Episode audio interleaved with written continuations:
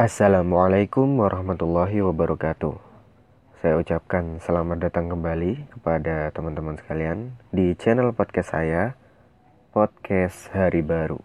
Bersama saya, Bramasta Singgih Prianggara.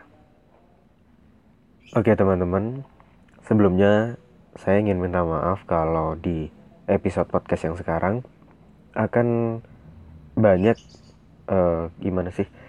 Akan ada banyak noise-noise yang terdengar di rekaman ini, rekaman audio ini. Ya karena uh, gimana ya teman-teman, kondisinya memang memang tidak memungkinkan. Ini saya rekam audionya di pagi hari. Sebenarnya saya mau rekam semalam tadi malam gitu biar nggak terlalu rame cuma karena rasa kantuk yang tak tertahankan akhirnya ya ketiduran dan baru sempat pagi ini. Dan uh, rumah saya ini di desa jadi di pinggir jalan gitu ya sering ada motor-motor lewat lah ya. Kemudian di belakang sana ada mebel. Jadi suara mesin pemotong kayu tuh biasanya terdengar cukup keras. Dan di depan jalan raya sana ada orang ini buka amal-amal gitu untuk amal masjid jadi kan biasanya pakai speaker tuh ngomongnya. Nah itu cukup keras juga biasanya. Jadi mohon maaf banget bagi teman-teman sekalian untuk uh, episode kali ini. Mungkin dia ada beberapa gangguan. Dan juga ada suara-suara hewan mungkin teman-teman dengar. Ya karena di sini banyak ayam dan juga ada burung-burung juga. Ya gitulah. Namanya juga di desa. Tapi ya alhamdulillah saya masih diberi kesempatan untuk bisa merekam uh, membuat channel podcast lagi nah maksud saya membuat episode baru di podcast saya dan pada kesempatan kali ini saya akan berbicara tentang karya Oke, tentang karya nih teman-teman. Menurut saya, semua orang itu sebenarnya bisa berkarya. Iya, nggak ada suatu halangan atau tidak ada yang membuat seseorang itu tidak bisa berkarya. Ya, semua orang mempunyai kesempatan, mempunyai kemungkinan, mempunyai kemampuan untuk bisa berkarya. Ya, tentang karya itu nanti bagus atau tidak, itu kan relatif indah atau tidaknya suatu karya itu bukan satu standar karena itu ya tadi adalah hal yang relatif gitu. Semua orang punya penilaian yang berbeda-beda. Jadi sangat tidak tepat kalau kita takut untuk berkarya hanya karena kita takut karya kita jelek. Nah itu rasanya uh, menjadi suatu ketakutan yang nggak nggak berfaedah gitu ya. Jadi kalau kita ingin berkarya, yang pertama harus kita lakukan ya kita harus berani dulu.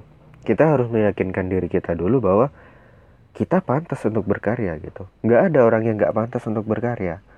Semua orang pantas untuk berkarya dan saya yakin semua orang pasti bisa.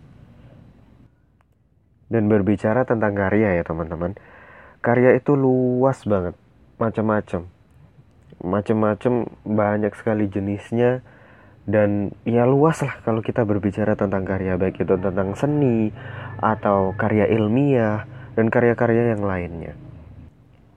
Nah, tapi nih seperti yang sudah saya katakan tadi bahwa pasti ada suatu penghalang seseorang itu untuk tidak bisa berkarya.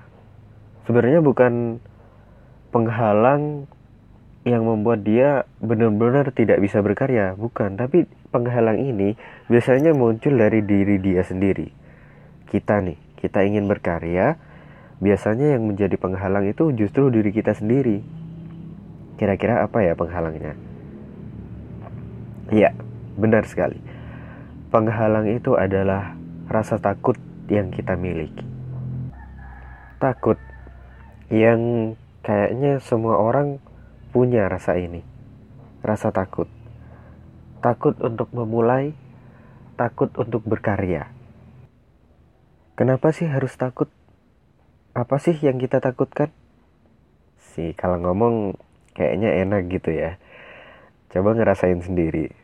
Ya sebenarnya saya sudah pernah ngerasain gitu tentang rasa takut yang benar-benar menghantui diri saya gitu. Tapi ya mau gimana namanya juga setiap orang pasti punya rasa takut.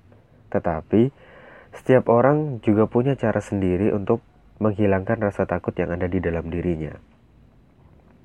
Intinya mulai aja dulu. Lakukan apa yang kita bisa. Tentang jelek atau indah jelek atau bagus itu suatu hal yang relatif. Seseorang bisa menilai uh, karya kita itu bagus ya karena dia punya perspektif sendiri dia punya cara cara penilaian sendiri. Begitu pula ketika orang lain menilai karya kita jelek ya dia punya cara pandang sendiri dalam menilai karya kita gitu. Namun kadang yang justru menambah rasa takut kita itu karena ketika kita ingin memulai sesuatu ketika ingin membuat suatu karya misalkan Kadang yang kita inginkan itu harapan dan ekspektasi kita, eh harapan sama ekspektasi, eh, ekspek apa sih harapan ya pokoknya. Harapan yang ada di dalam diri kita itu terlalu besar gitu seolah-olah setiap karya yang, yang akan kita buat, setiap karya yang akan kita ciptakan itu harus sempurna, seolah-olah harus zero mistake gitu, nggak ada kesalahan, harus benar-benar perfect dan ya menjadi karya yang terbaik di antara karya-karya yang lain. Ya walaupun itu suatu harapan yang bagus gitu, itu adalah cita-cita yang yang nggak ada salahnya gitu. Cuma kalau ya kesempurnaan karya kita itu tadi menjadikan kita terhalang untuk membuat suatu karya, yaitu jadinya malah nggak baik bagi kita. Ya kita pun tahu ya teman-teman bahwa segala sesuatu itu pasti butuh proses. Dan proses itu nggak akan ada kalau kita nggak mau memulainya. Ya kita mulai aja dulu kita berproses. Sembari kita berproses itu marilah kita saling memperbaiki gitu. Kita cari ilmunya kita lebih mendalami lagi belajar lagi kemudian berusaha untuk menyempurnakan apa yang sudah kita buat Kuncinya satu sebenarnya teman-teman. Ketika kita telah membuat suatu karya dan kita ingin melakukan yang terbaik untuk karya itu, kuncinya satu. Jangan pernah bosan untuk menerima kritik dan masukan. Ya, kritik dan masukan itu sangat penting bagi diri kita dalam segala aspek ya. Ini dalam uh, aspek apa pun itu kritik dan masukan dari orang-orang sekitar kita terutama dari orang-orang yang benar-benar sayang dan cinta sama kita itu pasti sangat bermanfaat bagi kita. Namun yang perlu diketahui ya teman-teman bahwa kritik itu ada dua macam. Yang pertama ada kritik yang membangun dan yang kedua ada kritik yang menjatuhkan. Kritik yang membangun yang seperti apa ya?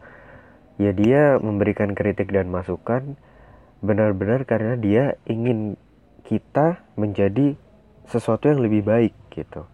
Ingin karya kita lebih baik dari yang sebelumnya. Biasanya kritikan-kritikan ini berdasarkan dengan keilmuan yang dia miliki. Dia benar-benar tahu ilmunya dan dia berikan ilmu itu kepada kita lewat kritik dan masukan yang dia berikan kepada kita. Nah, itu adalah kritik yang membangun.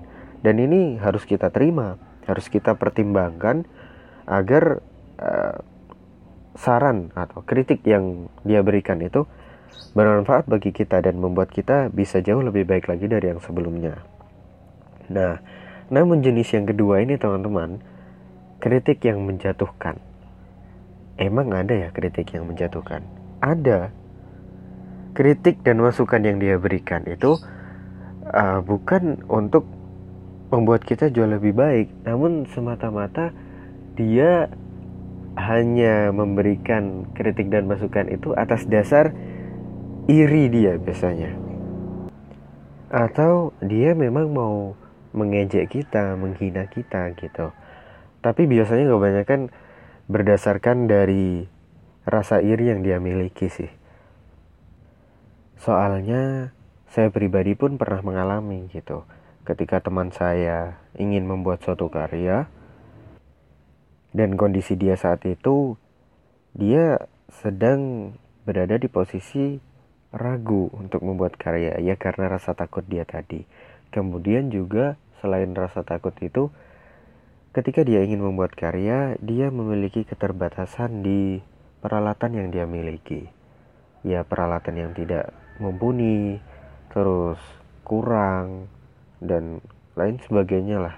Pokoknya dia memiliki keterbatasan untuk berkarya. Akhirnya dia takut. Kemudian ada seorang teman teman dia juga yang justru dia memberikan kritik yang sangat menjatuhkan bagi dia gitu seolah-olah meyakinkan si temannya ini tadi yang ingin berkarya meyakinkan dia bahwa dia benar-benar tidak pantas untuk berkarya gitu dia memberikan kritik dan masukan yang membuat dia temannya itu tadi benar-benar terhenti untuk berkarya gitu dan akhirnya ketika orang sudah merasa takut, kemudian malah ditakut-takutin gitu ya.